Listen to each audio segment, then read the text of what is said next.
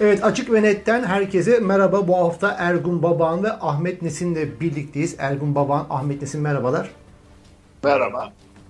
Evet gündemin sıcak başlıkları bizi bekliyor. Pek çok başlığımız var. Her hafta olduğu gibi tekrar hatırlatayım izleyicilerimize. Like'larsanız memnun oluruz. Abone olur ve oradaki çan işaretini, bildirim işaretini açarsanız daha çok memnun oluruz ve böylelikle daha çok kişi izlemiş olur bu programı. Evet sıcak gündemlerden başlıyoruz. En sonki gelişmeden başlayalım. Kemal Kılıçdaroğlu, CHP Genel Başkanı. TÜİK'e gitti. Önce randevu almak istedi. Randevu vermediler ve geliyorum dedi ve gitti ve alınmadı. Milletin oylarıyla meclise giren CHP ve Kılıçdaroğlu TÜİK'e giremedi. Evet Ahmet Nesin ne iş bu? Şimdi öncelikle randevu vermemeleri zaten ciddi bir ayıp. Ee, sonuçta e, protokolde yeri bulunan bir e, ana muhalefet başkanı. E, bırakın milletvekilini falan. Yani bir ana muhalefet başkanına randevu vermemek ciddi bir e, edepsizlik bana göre. Yani bu siyaset falan değil.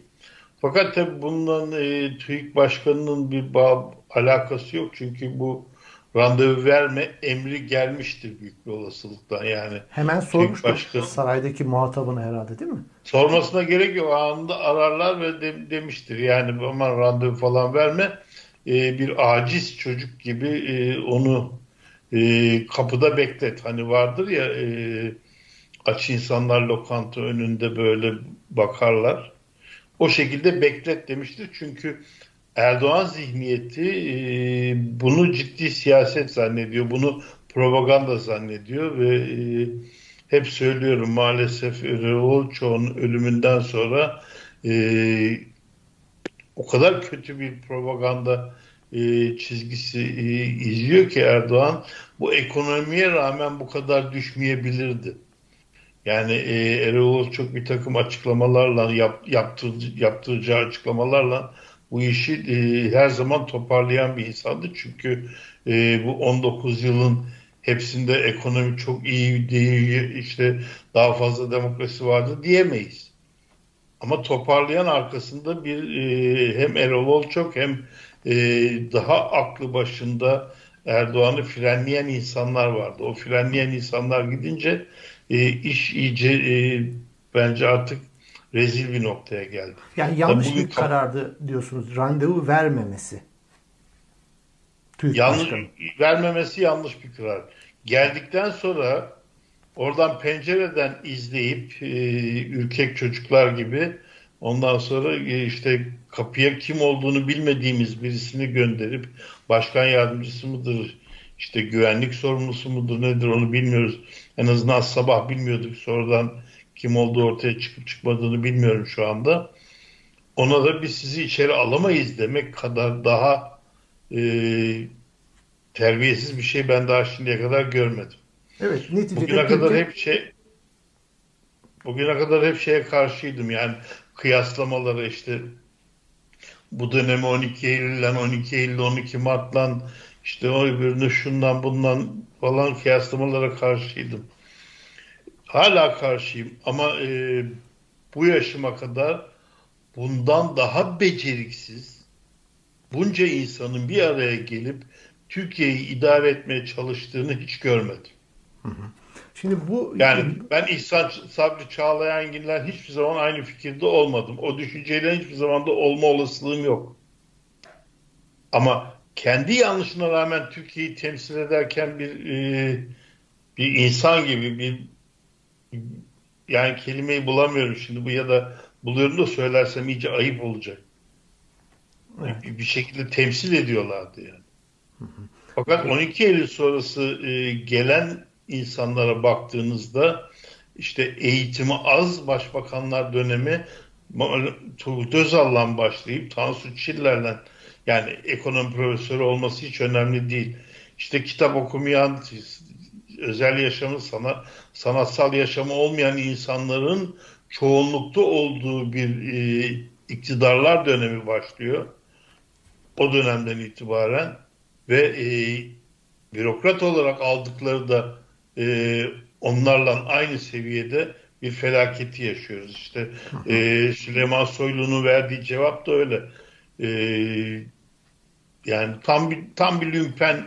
Burada Soylu şöyle bir açıklama yaptı. Dedi ki ana muhalefet partisi genel başkanı PKK, DHKP-C ve organize suç örgütlerinin ayağına düşüp ağına düşüp onlara özenip mekan basmaya gitmez diye sert bir açıklama yaptı. Ee, babam buradan da sana da dönüyor. Fuat Oktay da bu açıklama yapanlar serisine katıldı. Fuat Oktay diye biri var biliyorsunuz sarayda ve başkan Cumhurbaşkanı yardımcısı sıfatıyla geçiyor sıfatı. Devlet kurumları muhalefetin siyasi rant sağlayıp şov yapacağı mekanlar değildir dedi. Değil midir? Yani ana muhalefet parti lideri TÜİK'e, Devlet İstatistik Kurumu'na gidemez mi?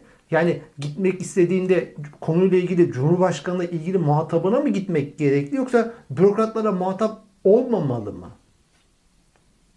Yani normal demokrasilerde kurumların, kuralların çalıştığı bir ülkede e, elbette gidebilir ama Türkiye artık kurum, kural, etik değer hiçbir şeyin kalmadığı bir ülke. Yani adı uyuşturucu kaçakçılarıyla anılan her türlü e, Peker'in iddiasının arkasında ismi çıkan e, oğlunun işte karanlık işlere karıştığı diye iddia edilen bir şahıs dönüyor e, Kemal Kılıçdaroğlu'na hukuk dersi vermeye kalkıyor.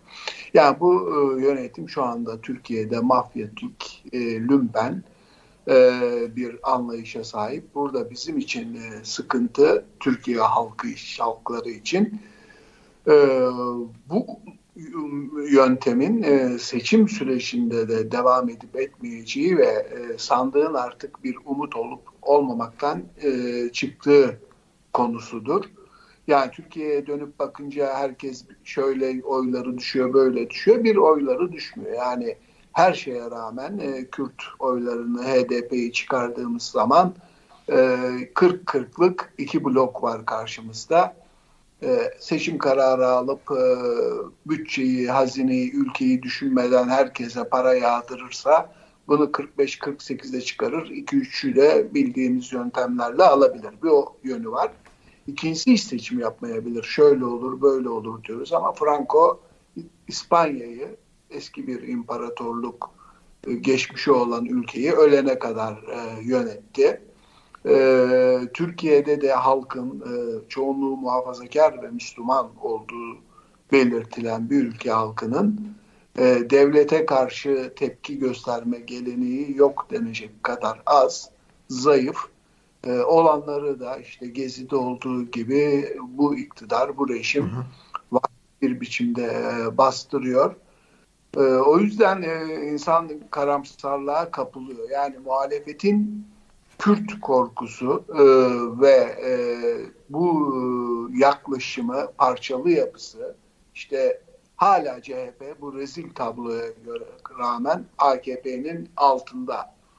İyi Parti yükseliyor. İyi Parti'nin de zihniyet olarak e, bu iktidardan ne kadar farklı olduğunu bilmiyoruz. Ne kadar demokrat, ne kadar hukuka saygılı. Yani genel başkanını Susurluk döneminden e, hatırlıyoruz. O yüzden e, karamsar bir gün, çok parlak bir gün değil Türkiye. Evet. Burada kimisi e, son dönemde Kılıçdaroğlu'nun daha atak siyasetini alkışlıyor. Yani benim de hani dikkatimi çekiyor. Yani kurumlara gidiyor, ziyaret e, ediyor. İşte bugün de Türkiye ziyareti yani bayağı bir ses getirdi burada. Sosyal medyada da Cüneyt Arkın'ın bir filminden de e, küçük bir kesit yapıp ben Kemal geliyorum diye bir mafyayı tehdit eden bir sahneyi de beraberinde getirmişler. Ee, evet bu atak davranış ama kimi de diyor ki Ahmet Nesin yani bu yeterli değil. Yani yarın seçim olsa Yüksek Seçim Kurulu dese ki kardeşim AKP kazandı. Kapısına gidip dönecek misiniz? diyor. Yani bu yeterli değil mi ve bu hareketler sahalarda görmek istediğimiz hareketlerden biri mi? Ahmet Nesin ne diyorsunuz? Şimdi e, hepimiz öğrenciliğimizde zayıf not aldığımızda eve bir bahaneyle giderdik. Bu öğretmen beni sevmiyor. Bu güreş milli takımında e, bütün dünyayı yendiğimiz dönemden sonra dünya bunu üniversite dersi olarak e, getirdikten sonra Bulgarlarla ve Ruslarla başlayan bir e, hezimet dönemine girdik. O zaman da şey diye başlıyorduk. İşte hakemler bizi e, bizim tarafımızı tutmuyor. Bize karşı şey yapıyorlar diye. E, çok az insan bilir. Babam e, askeri okulda güreşçi, İstanbul şampiyonu.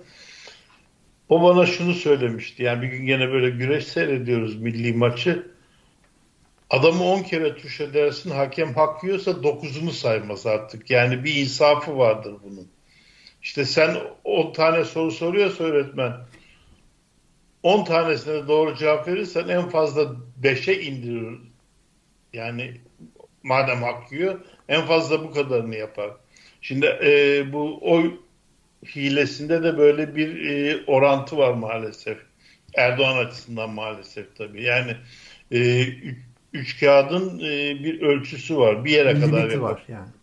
Tabii tabii teknolojik olarak da bir yere kadar yapıyorsun. Teknolojik olarak e, tamamını yok sayamıyorsun. E, bu, bu açıdan e, Erdoğan'ın seçimde hile yapacağından eminim ama o hilenin bu sefer işe yaramayacağından da eminim. E, bunun en güzel örneği esasında %13.1 dönemindeki e, HDP 80 milletvekiliyle e, şey yaptı. O zaman ben bir yazı yazmıştım. E, Davutoğlu e, hile yapmazsan sen kazanırsın diye seçimde. Seçimden 2-3 ay önce. Çünkü e, şunu söylemiştim yani eğer hile yaparsan ve e, AKP HDP'yi %10'luk barajın dışına iter bir noktaya gelirse o seçimin sonucunda senin başbakanlığın da gider. Senin hiçbir fonksiyonun kalmaz. Başkanlık sistemin geleceğini o dönemde yazmıştım. Yani bu hileyi önlemek lazım diye. Ve şimdiye kadar yapılan seçimler içerisinde en temiz seçim olmuştur 7 Haziran seçimleri. Şimdi ben e, şeye katılmıyorum e, Ergun'un söylediğine. Ben şu anda seçim yapılsa bile e, o sandığa gidildiğinde e, CHP'nin bu kez AKP'nin üstünde olacağına inanıyorum. Yani o e, başa baş gidiyorlar şu anda. E, sadece ittifakla beraber baş, yani iki ittifak başa baş gitmiyor. AKP ile CHP de bana göre e, başa baş gidiyor. E, o yüzden e, bu önümüzdeki seçimlerde CHP'nin birinci parti olarak çıkma olasılığı çok büyük. Çünkü e, Kılıçdaroğlu dizginleri eline aldı. Her tarafta aldı. Hem kendi ittifakı içerisinde lider parti konumunda olduğu için e, dizginler zaten elinde. Bu e, kötü anlamda söylemiyorum bunu. Ama e, son 6, 4 aydır 6 aydır Türkiye'nin gündemini Kılıçdaroğlu belirliyor. Erdoğan Kılıçdaroğlu'nun söyledikleri üzerinden politikaya cevap veriyor. Onun üzerinden bir e, televizyon ekranlarını izleyin. CNN'i e, işte Habertürk'ü o saçma sapan e, programları mecburen izliyorum ben e, hepsini. Erdoğan konuşulmuyor artık. Kılıçdaroğlu konuşuluyor. CHP ne yaptı konuşuluyor. HDP ne yapacak konuşuluyor. HDP'nin eş başkanları konuşuluyor. İşte e, Pervin Buldan ne dedi? Şey, e, Selahattin Demirtaş hapishaneden ne demeç verdi? Bunlar konuşuluyor. Bütün muhal e, iktidar muhalefet diyordum. Çünkü muhalefet gibiler şu anda. Savunmaya geçmiş durumdalar. Hı hı. Yani o yüzden e, ben e, böyle bir şey yükseldiğine inanıyorum. Sol yükseliyor mu derseniz e, bana göre CHP ile e, HDP'yi sol olarak halk nezdinde aldığınızda bana göre yükseliyor. Şu anda e, sosyalistler de ciddi bir karar verdiklerinde e, toplam oy ilk defa e, bence Ecevit döneminin en yüksek oy dediğimiz o 41'dir aklımda yanlış kalmadıysa Ergun daha iyi yanımsar onu. Ee, o sayıyı geçecekler gibi gözüküyor. Öyle diyorsunuz da. Şimdi yani evet bir artık gündemi belirleme noktasında Halk Parti, CHP, Kılıçdaroğlu ne olduysa sanki CHP içerisinde bu işlerle ilgili birileri değişti gibi birden sihirli bir dokunuş oldu CHP. Birden Kılıçdaroğlu dediğiniz gibi artık daha özgür konuşur hale geldi. Belki parti içi dengeler açısından da söylenebilir. Ama CHP'nin bu... içindeki CHP'nin içindeki sol daha fazla ön plana çıkmaya başladı. Konuşma anlamında, yönetim anlamında, il başkanıyla beraber e, buna benzer bir takım e, şeylerle televizyona daha çok o ekip çıkmaya başladı. E, muhalefet şey iktidar gene muhalefet dedim. İktidar mesela CHP'ye Kemalizm üzerinden saldırı, saldırıyor. Ee, CHP Mustafa Kemal'den ayrılmadı ama o katı Kemalizm siyasetini bir kenara bıraktı. Hı hı. Katı evet. Kemalizm siyaseti işte aynı e, dinci siyasetçiler gibi din ne derse olur ya da Mustafa Kemal ne derse olur. Halbuki 21. yüzyılın e, 20 yılını geçmişiz e, dünya siyaset e, apayrı bir yere gidiyor. CHP bunun farkına varmaya başladı Hı. ve e, böyle sosyal demokrat ol, olunabileceğini en azından şu andaki kadro o mantıkla gidiyor. O yüzden gündem o yüzden bu kadar belirlenir hale geldi. Evet peki baban e, şimdi seçim falan dedik. Seçimi isterseniz kaydı sohbet bu noktaya. E, CHP alır mı götürür mü oyları falan ama Özer Sencar'ın bir açıklaması vardı. Anket şirketi sahibi. Son günlerde hükümetten gelen açıklamalar topyekun bir seçime gittiğimizi gösteriyor dedi. Ama bana böyle hiç inandırıcı gelmedi. Yani şu anda ekonomi gümbür gümbür giderken, ekmek kurulukları almış başını giderken, enflasyon bu kadar tırmanmışken seçime nasıl gitsin AKP? Gider yani mi? biz Türkiye dışında olduğumuz ve kimseyle yani o e, özellikle muhafazakar kesimden çok kişiyle konuşamadığımız için e, gerçek hissiyatı bilemiyoruz ama e, oy oranını da hisleyebilemeyiz. İşte Metropol Türkiye'de Konda ile birlikte siyasi araştırmaları e, genelde doğru çıkan Amerikalı Pew'un bile birlikte çalıştığı bir şirket. E, Kasım ayı şeyi Ahmet'in söylediklerini doğrulamıyor. 33'e 25, yüzde 8 hala AKP, CHP'nin önünde. İyi Parti 14, e, HDP 12, MHP 7,5, DEVA'da 3 şeyinde. Yani e, e, gerçeklik bizim duygularımızla örtüşmüyor. Pardon, e, pardon Ergun özür dilerim bir şey. Ben şunu söyledim, dediklerine katılıyorum çok az seçimde olmuş bir olay vardır. O da sandık başına gidildiğinde dedim. Onu parantez içinde tekrar söyleyeyim. Yani yoksa dediklerine katılıyorum. Ya yani sandık başına an... gidildi derken yani millet ankeler birdenbire anketörü... değişen birdenbire değişen sürpriz seçimler vardır. İşte e, Cem Uzan'ın 8 alacağını hangimiz söyleyebilirdik? Ve en Cem yüksek İzmir'de alacağını. Cem Uzan araştırmalarda çok yüksek çıkıyor. Ya e, Üç partiyi engelledi. ANAP ve DYP'nin çöktüğü de görülüyordu DSP ile birlikte. O yüzden AKP'nin yükselişi, MHP'nin yükselişi bile e, o seçimlerde vardı. Ee, yani Yaz sonucu... baba ithaf ederken sözünü unutma ama yani şu anda mesela geçen bak bu sokak röportajları yapan kendine muhabir adlı gazeteciyi bile tutukladılar. Mikrofona konuşan vatandaşı alıp götürüyorlar. Yani böyle bir dönemde geçen yayınlarda da kısmen konuşmuştuk ama yani gelen anketörün MIT mi polis mi ne olduğunu bilmeden insanların konuşabilmesi çok kolay değil. O açıdan yani anket sonuçlarından farklı olarak sandık başında bu sebeple farklı bir şey çıkma ihtimali yok mu sence? Ya yüzde on iki insan HDP'ye oy vereceğim diyebiliyorsa bu anketlerde o zaman e, kendine Türk diyenlerde bir cesaret sorunu var diyelim. Yani bu ortamda hala HDP'ye vereceğim diyebiliyorsa, CHP'ye diyebiliyorsa bence e, bu anketörlerin tanıdığı, bildiği gruplar, denekler üzerinde yapılıyor. Her yeni bir gruba gitmiyor anladığım kadarıyla. E, o nedenle anketleri küçümsememek lazım. E, muhalefetin e, Özer Bey çok üstünde duruyor. Bu iş bitti oldu havası yanlış. Yani Erdoğan işte asgari ücreti 5500 yapar, memura %70 zam yapar, e, herkese bedava kömür, makarna dağıtır, yaşlılara, işsizlere verdiği ücreti arttırır. %5 yükseltir en az oyunu. Yani bugünkü oyunun %5 altı üstüne koymak lazım. E, mesele e, aynı metropolün yaptığı bir araştırmada halkın yüzde 50'den fazlası muhalefetin de bu sorunların üstesinden gelemeyeceğini gö- inandığını gösteriyor. Yani. Türkiye'de iktidar yıpranırken güvenilir bir muhalefet yükselmiyor. Öyle olsa yüzde yani AKP nasıl 2002'de 36 almışsa CHP'nin de bugün 36 40 bandında olması lazım. CHP oraya yükselemiyor.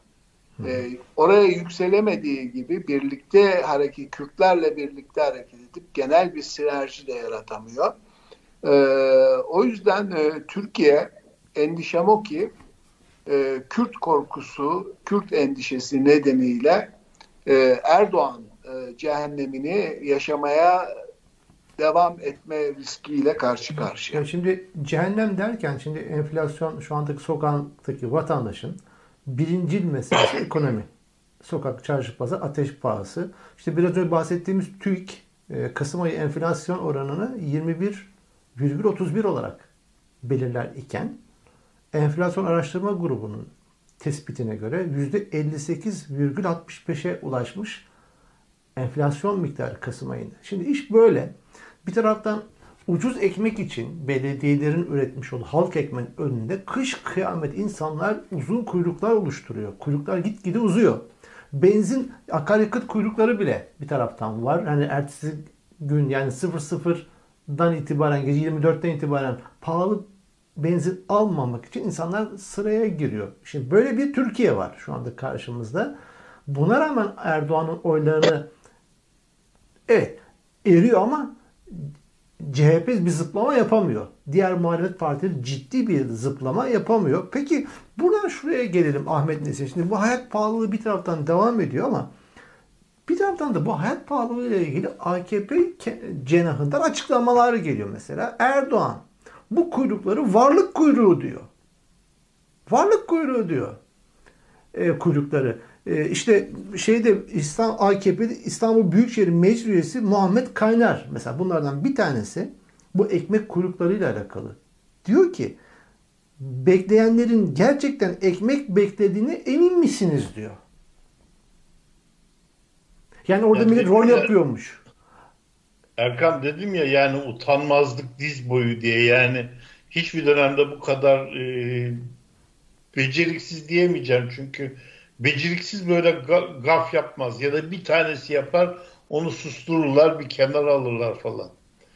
Onun için tam bir terbiyesiz dönemden geçiyor. Ya bu zihinsel iflasın ötesinde bir terbiyesizlik hali. Tabii, tabii canım yani bu kesinlikle öyle. Yani bu e, ananı da al git lafıyla başlayan bir terbiyesizlik dönemi başladı Türkiye'de. Bu, bunların hiçbir tanesi dur, dururken olan şeyler değil. Yani Erdoğan'ın söylediğinden söyleyeyim. Fitratında bu var. Yani bu ekibin fitratında bu var. Ama başka bir şeyi e, hesap etmiyoruz biz. Hep e, şu anki seçim yasasıyla e, şu anki e, oranlarla konuşuyoruz her şeyi. Şimdi 12 Eylül öncesi e, Kürt illerindeki CHP'nin oylarına bakalım. Kürt oluşumundaki önemli insanlardan bir tanesi Ahmet Türk'e bakalım, e, Sırrı Sakık'a bakalım. CHP il başkanı, CHP milletvekili.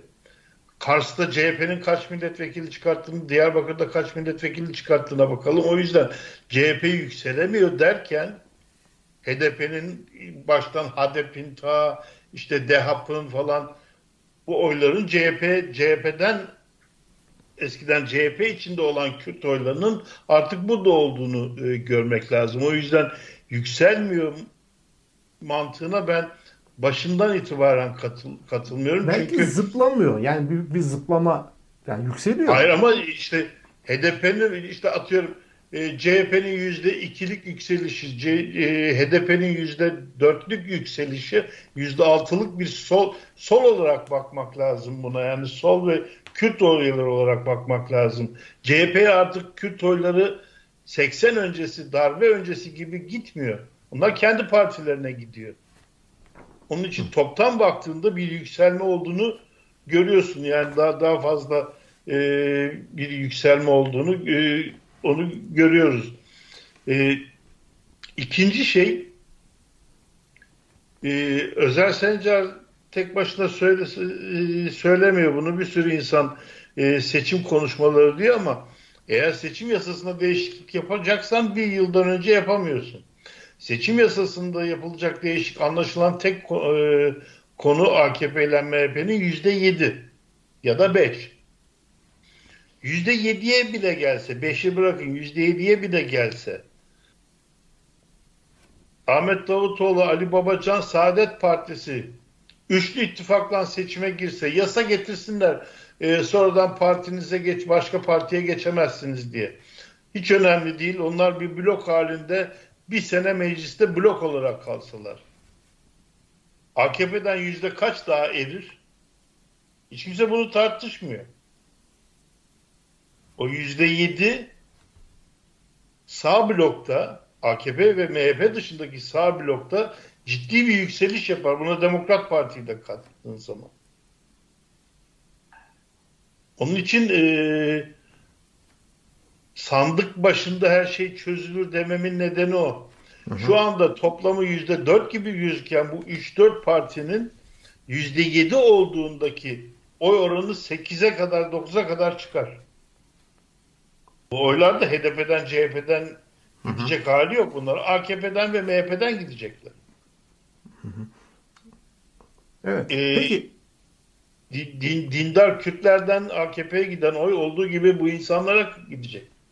Bunları hesap etmeden şu andaki seçim yasasıyla e, seçimlere girecekmişiz gibi e, yapılan anketler o yüzden bana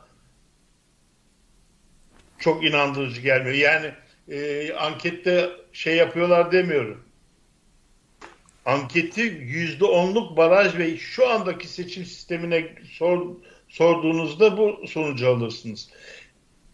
Ankette kim olursa olsun iktidarda bugünkü AKP hükümeti varsa ekonomiyi kim düzeltir dediğinizde e, büyük bir çoğunluk doğal olarak iktidara yönelir. İktidar düzeltir der. Çünkü e, muhalefet hiçbir zaman e, muhalefette ekonomi düzeltilmez. O yüzden muhalefet söylenmez.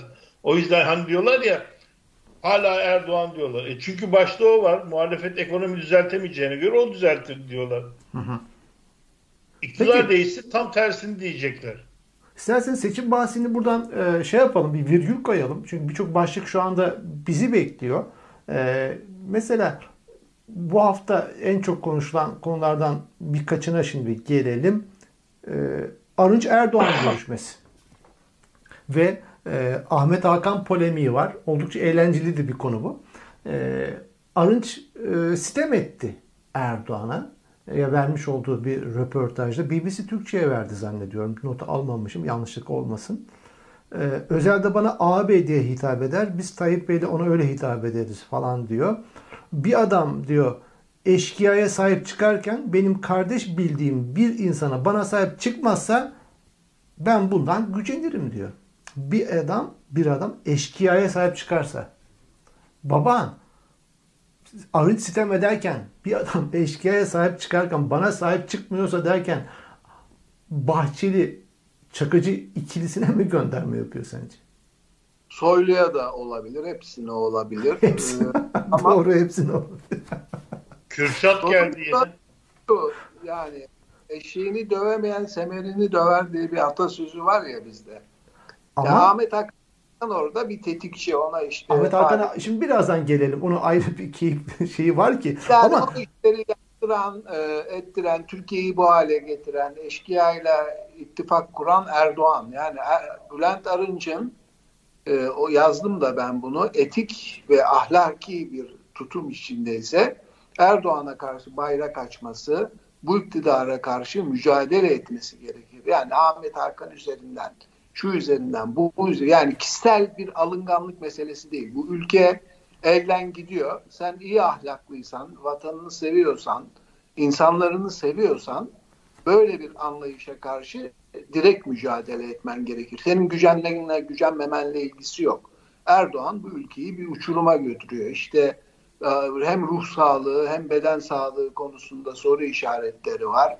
E, işte iki tane emniyet müdürü ya da kimse gidiyor e, iki İsrailli sizin evinizin fotoğrafını çekmiş alıyoruz diyorlar alın diyor. Sonra MİT müsteşarı ve dışişleri telaşa düşüyor. İşte e, turist gelmez, ülke çok kötüye gidecek, İsrail'le düzeltmemiz lazım arayı diye.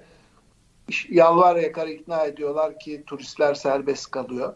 Yani çivisi çıkmış bir ülkede kişisel gücenme, alınganlık üzerinden e, görüş açıklayan bir insanı ciddiye almamak, üzerinde konuşmamak lazım. O kadar basit. Ama Erdoğan bu açıklamayı ciddiye aldı ki sarayına buyur etti Arınç'ı.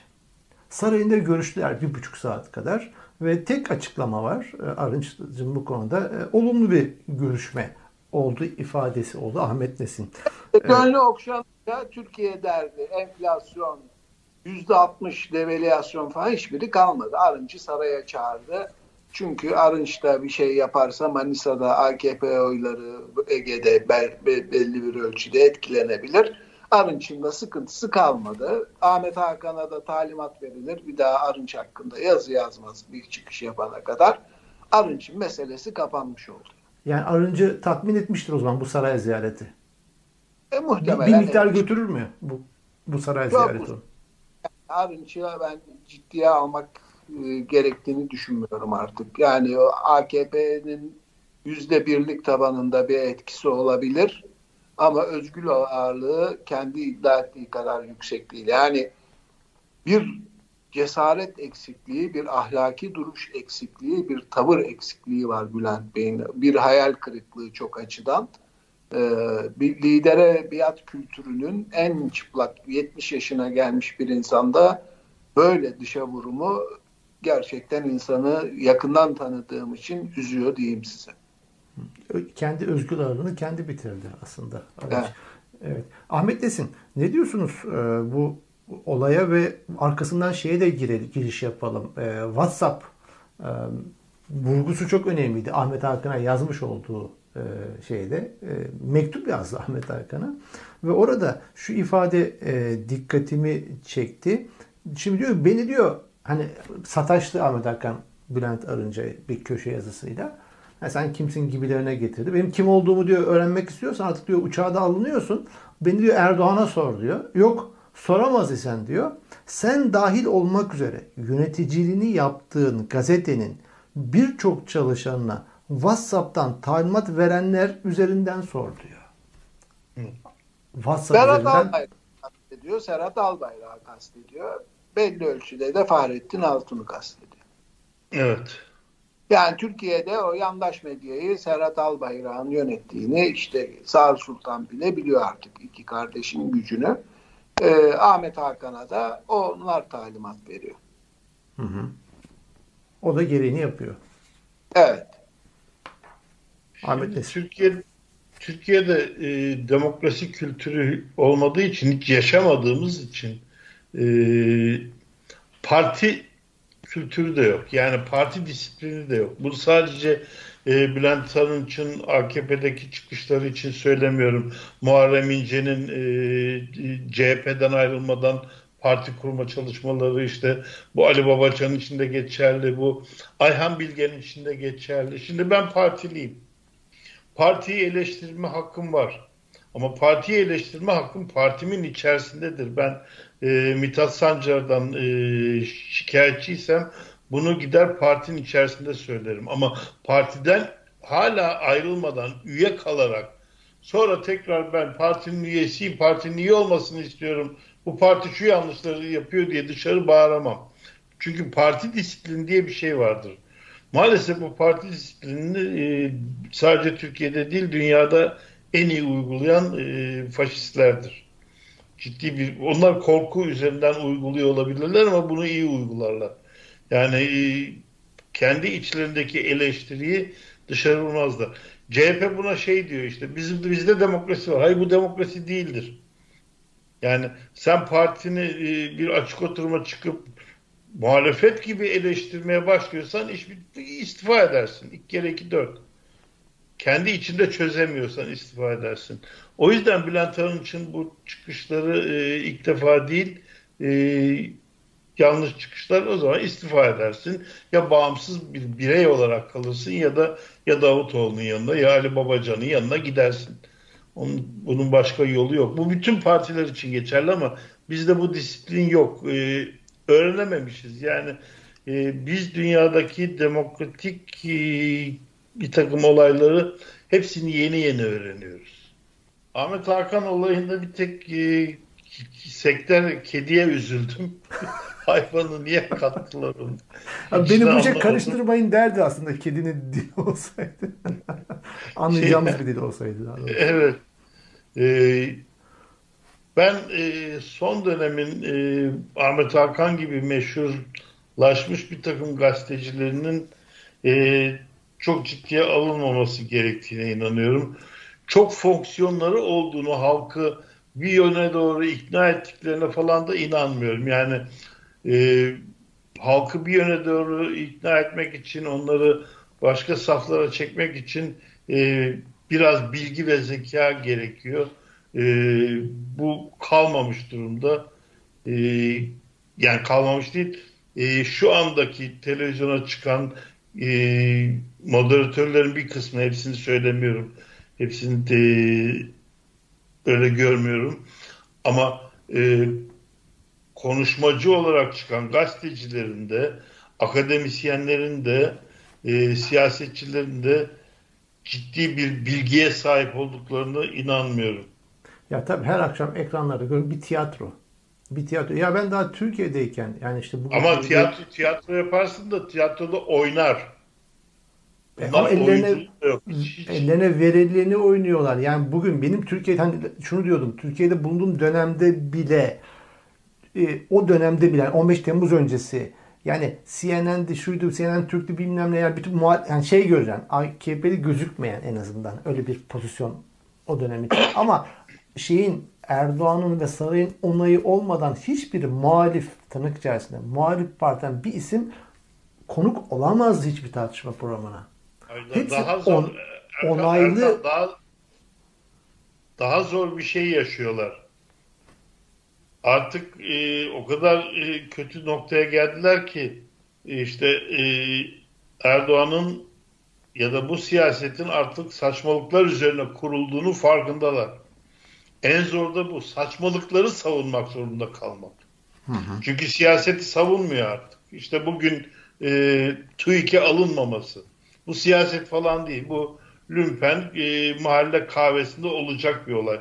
Bu adam sokağıma giremez. Bu adamı bu kahveye almayın. Biz yayına gireseye Mantık. kadar Hürriyet'te Ahmet Hakan yönetti. Hürriyet'te haber olmadı bu. O olmayabilir daha. Yani ana muhalefet partisi Şimdi, lideri TÜİK'e girememiş. Bu haber değeri taşımıyordu. Biz en azından yayın saatine kadar. Şimdi öyle bir saçmalıyorlar ki e, hani senin programın sonunda haftanın geyikleri gibi bir şey yapıyoruz ya. Hı hı.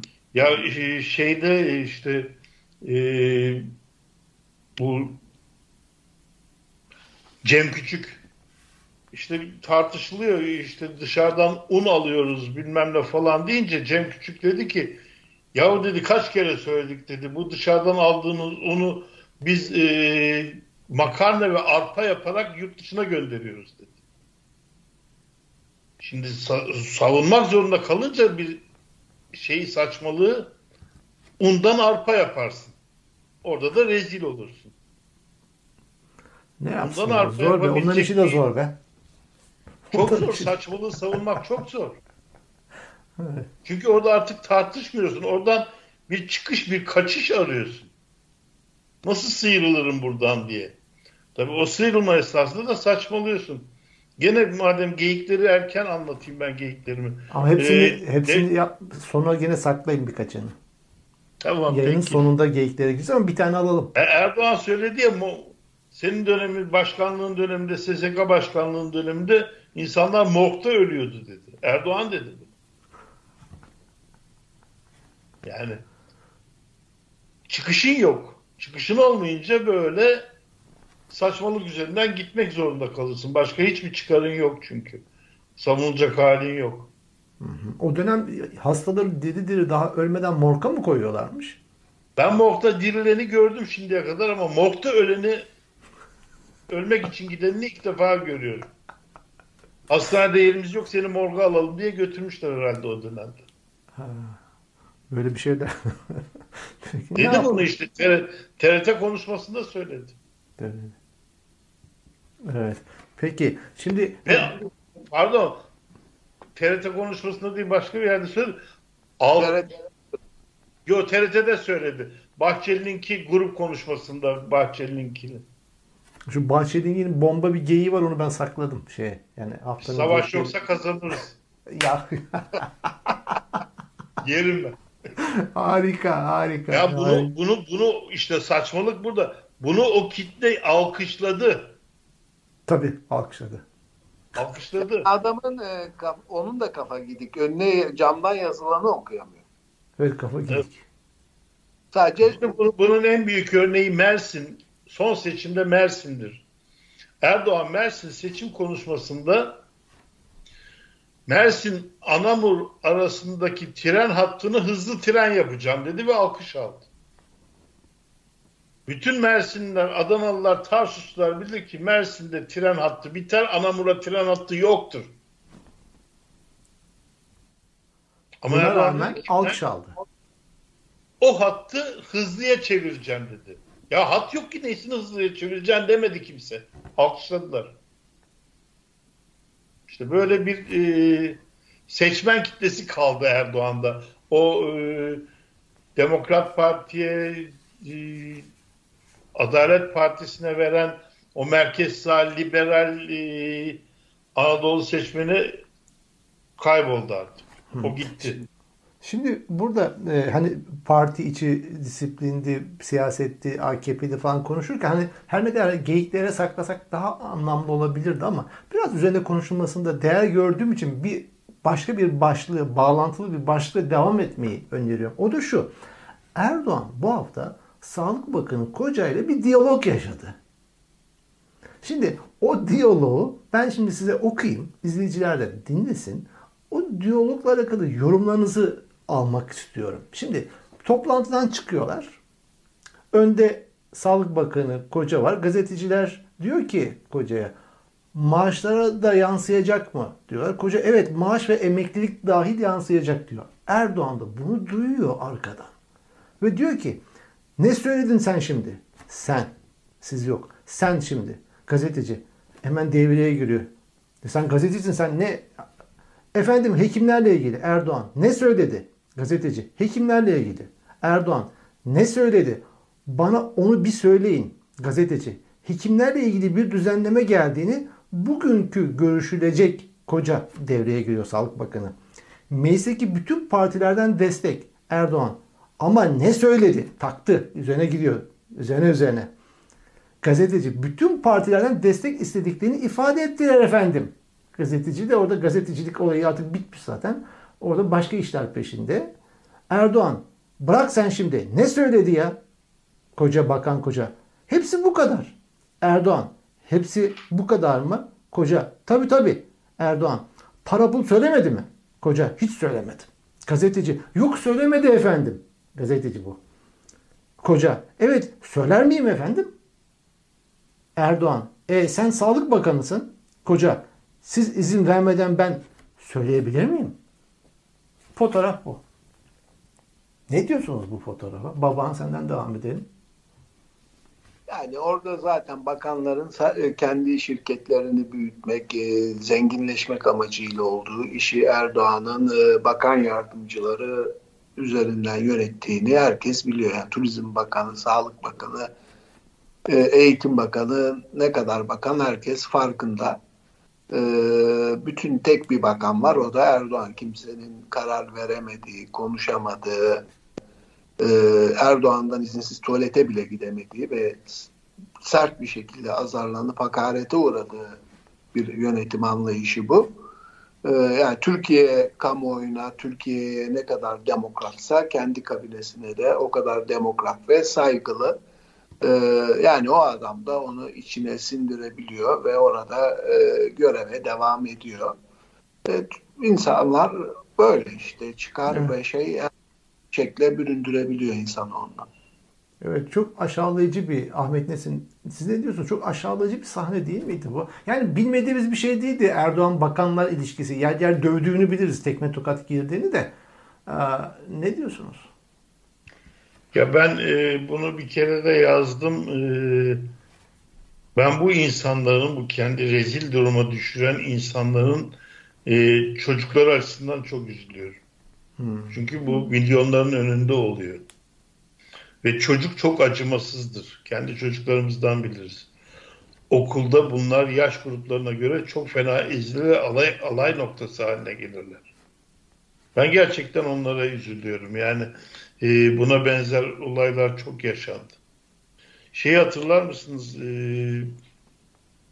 koronavirüs yeni çıktığında işte e, Erdoğan görüntülü bir şekilde kendisinden 5 metre uzaklar 2-3 kişiyle işte gerek e, İbrahim Kalın ya da buna benzer kişilerle pardon televizyon görüntüsüyle internet üzerinden e, başkalarıyla görüşüyordu. Bakanlarla falan görüşüyordu. Böyle e, bir takım şeyler vardı. Bunlardan bir tanesi de işte bize e, o kadar medeni bir şey bir ülkeyiz ki e, bize doktorlar televizyonda ellerin nasıl yıkanması gerektiğini öğrettiler önce. Bu bu yaşandı.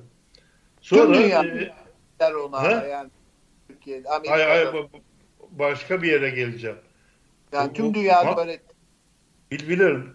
Ee, başka bir yere geleceğim. Erdoğan böyle bir e, bağlantı kurulduğunda işte doktorlar anlatınca Erdoğan da ellerini nasıl yıkandığını e, gösterirken karşı e, internetten bağlanan bir, müsteşar ya da birisi o da herhalde ellerini yıkıyordu mu o sırada ne yapıyordu gösteriyor muydu neydi? Yanındakine döndü ve aynen şöyle yaptı. Bak dedi bu elini yıkamayı bilmiyor dedi. Buna öğretmemiz lazım dedi. Şimdi böyle bir aşağılama var. Hı hı. Ve Erdoğan bunu aşağıladığını bilerek yapıyor mu yapmıyor mu onun farkında değilim dediğim gibi fitratında var. Kendisini e, olağanüstü görmek, herkesi kendisinin e, aşağısında ve cahil olarak görmek. Bu tam bir cahil zihniyeti esasında. Cahilin e, etrafına bakma şekli bu.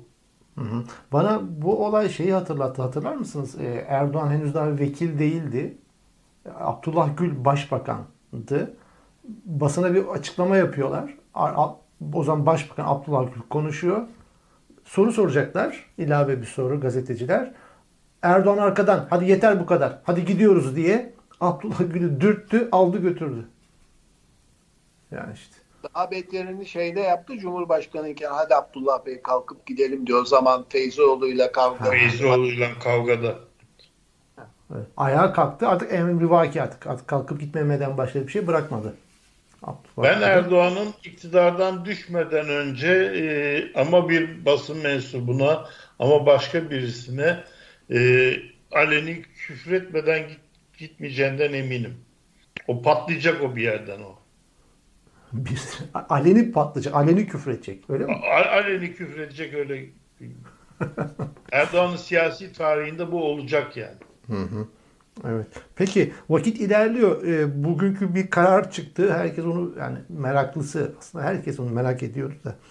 E, Musa Orhan meselesi tecavüzcü tecavüzcü uzman çavuş böyle ülkücü e, bozkurt işaretleri yapıp bana bir şey olmaz diyen ve İpek Er adındaki kıza tecavüz eden ve itiraf eden delilleriyle ve onu intihara sürükleyen Musa Orhan'ın şeyi vardı, duruşması vardı bugün.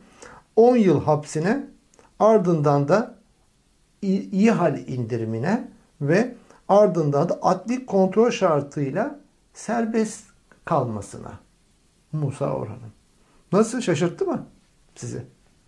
Ülkücü indirimi. Ülkücü indirimi. Yine e, gene de 10 yıl e, bir karar. Yani şu anda herhalde mahkeme süreci devam edecek ama tutuksuz. Adam tecavüz etmiş. intihara sürüklemiş. itirafı var bu konuda. Bu tecavüzcü sokaklarda gezebilecek.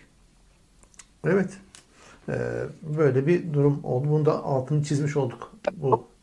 Panzerle bisikletiyle gidip kenarda oynayan çocuğu eziyorlarmış. Evinde uyuyan çocukları panzerle öldüren polislere bir şey olmuyor. Yani e, Kürt coğrafyasında Kürtleri öldürmek, helikopterden atmak, tecavüz etmek e, devletin koruma ve kollaması altında gerçekleştirilen eylemler açıkçası. Bununla alakalı ben bir mercek programı yapmıştım. Alt alta bir toplayayım dedim. Bu bahsetmiş olduğum panzerle ezerek öldürme çocukları.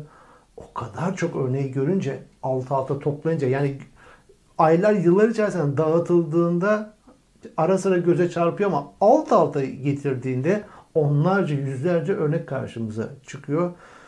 Ee, artık bu bir tabi kaza denmiyor bütün bu şeylere. Cinayet deniyor. İşte Türkiye, günümüz Türkiye'sinde gene bugün yayına girerken baktım. Dün gece Ege Denizi'nde İrhaç Savcı ve eşi boğularak can vermiş. Ee, tekne alabora olmuş. Evet bu devlet ve rejim ve şakşakçıları bunun hesabını nasıl verecek gerçekten? Merak ediyorum. Ee, evet bir başka başlıklara bakıyorum şu anda. Evet Avrupa Konseyi'den açıklama e, Bakanlar Kurulu Kavala ile ilgili ahim kararını uygulamayan Türkiye için ihlal süreci başlatma kararı verdi Babahan. Sen yakın takip ediyorsun bu konuyu. Ne diyorsun? Bu bu karar hakkında evet daha önce de karar açıklama yapmışlardı. Şu tarihe kadar 2 Aralık'a kadar tahliye edilmemesi durumunda Osman Kavala'nın ihlal prosedürü devreye girecek demiş idi. İhlal prosedürü başladı. Nereye kadar bu gider bu ihlal prosedürü? Ucu nereye varır? Ya bir senede böyle gider. Avrupa Türkiye'ye karşı çok e, teskin edici, idare edici bir rolde. E, yani Amerikalılar e, Suriye'de rejim değişikliğinden vazgeçtik, Esad'la yaşamayı kabul etmeliyiz dediğinde ama değerlerimiz olur mu falan diye kıyamet koparanlar konu Türkiye olunca işte yok ortak denizaltı yapmak için İspanya Başbakanı geliyor, İtalyanlar onu yapıyor. E, Avrupa siyasetinin de bir ikiyüzlülüğü var. E, ama insan hakları ve ilkelerinin bu kadar açıkça ayaklar altına alınmasını görmezden geldikleri bir dönem az.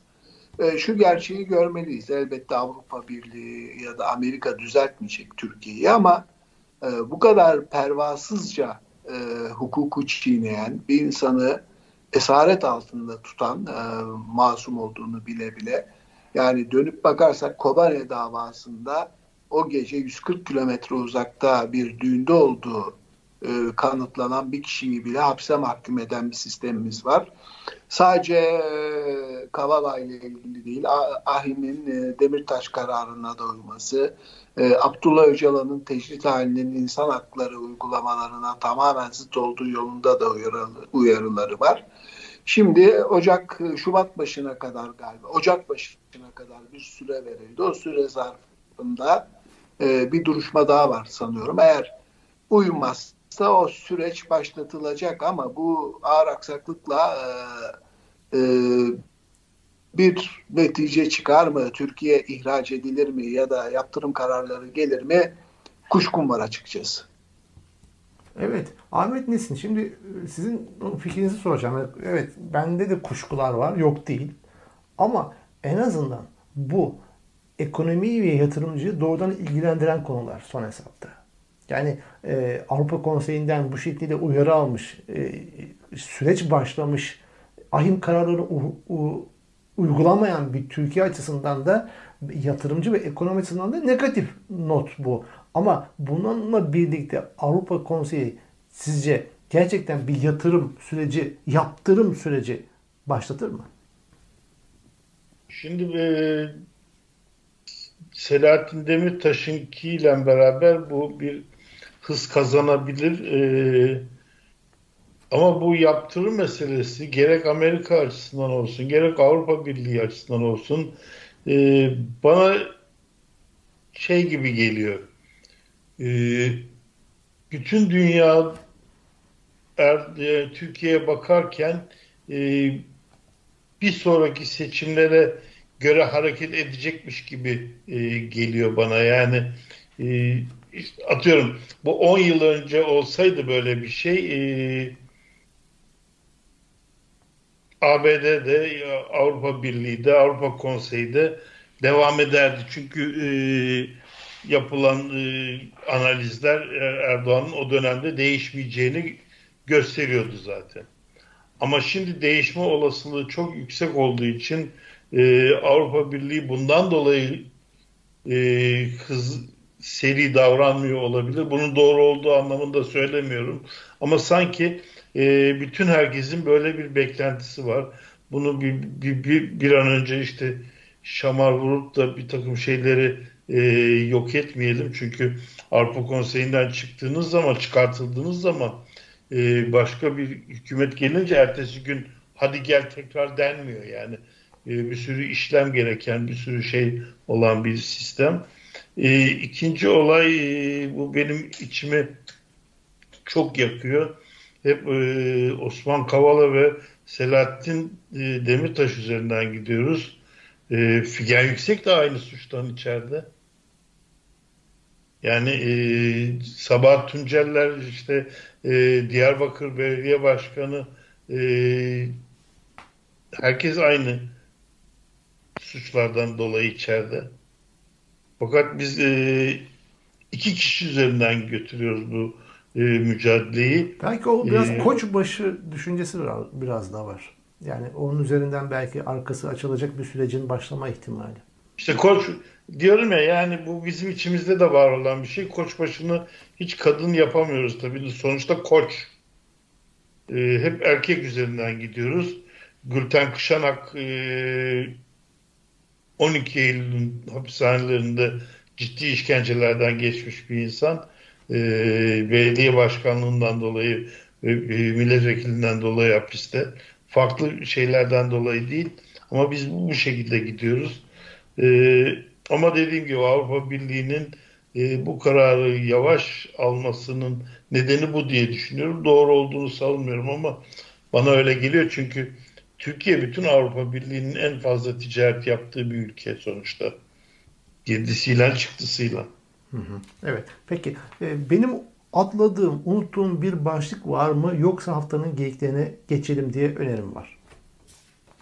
Tamamdır. Peki. O zaman haftanın ilk geyikleri bu haftanın konuğu Ahmet Nesin'den. Ben ama harcadım geyiklerimi o yüzden. Tek, tek, tek atımlık mıydı ya? Ha? Tek atımlık tek mıydı? Tek atımlık ya. Undan arpa yaptık. ee, Mok'ta insan öldürdük. Yetmedi. Bahçeli'yi de senden e, önce açıkladığıma göre 3 geyik birden. Ben hiçbir programda 3 geyik açıklamamıştım. tamam peki. e, programın içine serpiştirilmiş oldu geyikler. Baban. Evet. Ee, Mehmet Yılmaz'ın bugünkü yazısından bir geyik. Yeni Ekonomi Bakanı'nın adı Nurettin Nebati. Nebati kelimesi Arapçada bitkisel anlamına geliyor. Evet, Ekonomi bitkisel hayata girince bakanın da nebati olması kaçınılmaz oldu diyor. İyi bir benzetme. Bir de nebati yağ vardır hatırlarsınız bizim gençliğimizde var. Nebati yağ işte bitkisel yağ. Ona, ona da ona da zam geldi mi ona da bakmak lazım madem Şimdi, öyle. Burada baban şeyini unutma. Ee, yani bu e, geyiklerden bir geyik olarak ilave edeyim. Gazeteci Bülent Korucu da tweet atmış. Diyor Nebati'ye razı olun. Eğer bundan da razı olmazsanız Memati geliyor. Ayağınızı denk alın diye. en azından bu Nebati. Evet. Ee, 5 yıl çalıştığı Ankara Büyükşehir Belediyesi'nde Melih Gökçek döneminde 4 yıl 10 ay izin yapan neredeyse hiç işe gitmeden maaş alan Adalet Bakanı Abdullah Abid Gül'ün eşi İlknur Gür saraya danışman olarak atanmış. Ee, Bu sefer işe gidecek mi acaba? Ahmet Orada, Hoca o da çok e, Erdoğan'a sert çıkmış. Diyor ki nasıl anladık da burası şeriat devleti mi?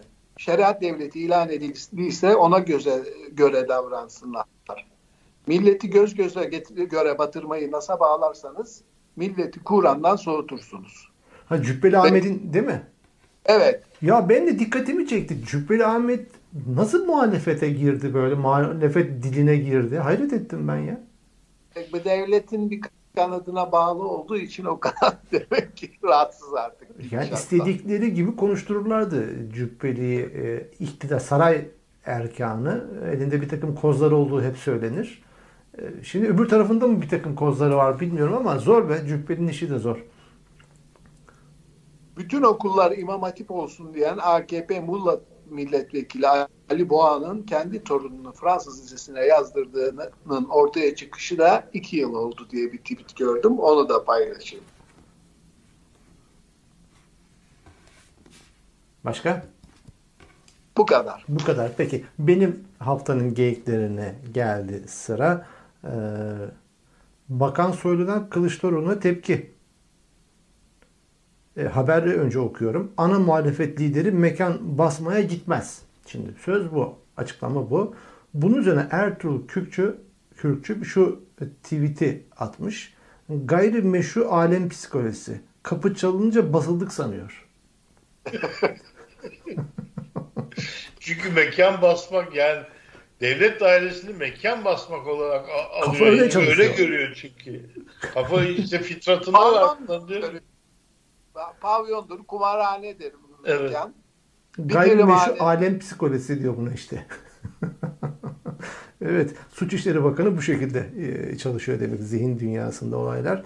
E, ondan sonra Nebati'nin ilk açıklaması e, ve ilk hedefini paylaştı.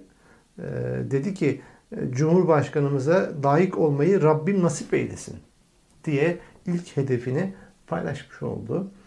Ondan sonra Fahrettin Altun'un bir açıklaması var. Keşfettiğimiz doğalgaz rezervini çıkmaya rezervini çıkarmaya başladığımızda bu vatandaşımıza alım gücü ve refah olarak geri dönecek diye bir vatandaşı teskin eden e, bir açıklama yapmış. 10 yıl sabredecekler işte. Ha, sabredin diyor Nasrettin Hoca'nın diken tarlası hesabı. Ee, ama gerçekten Nasrettin Hoca'nın hesabında koyunlar gerçekten geçecekti yani dikenler de gerçekten vardı. Oradan ün ve... Hala e, Doğu Akdeniz'den müjdeyi bekliyoruz bu arada. Bekliyoruz, Doğu Akdeniz'den evet. gelemeyen bir müjde var. Evet oradan evet. bekliyoruz. Şimdi bir e, Erdoğan'a e, saraya yakınlığıyla bilinen bu Taksiciler Odası Başkanı Eyüp Aksu var. Bir açıklama yapmış. Diyor ki ihaleyi devlet yaparsa taksi sayısının artışına karşı değiliz. Biz alırız diyor. Biz alırız diyor. Bizim çocuklar alır diyor yani. evet ve Bahçeli biraz önce bahsetmiş olduğumuz Ahmet Nesin'den e, şey yaptığım apardığım diyeyim Azerice ifadeyle o Ege'ye geleyim. Bahçeli para yoksa buluruz. Ordu yoksa kurarız. Düşman yoksa mutlaka yeneriz.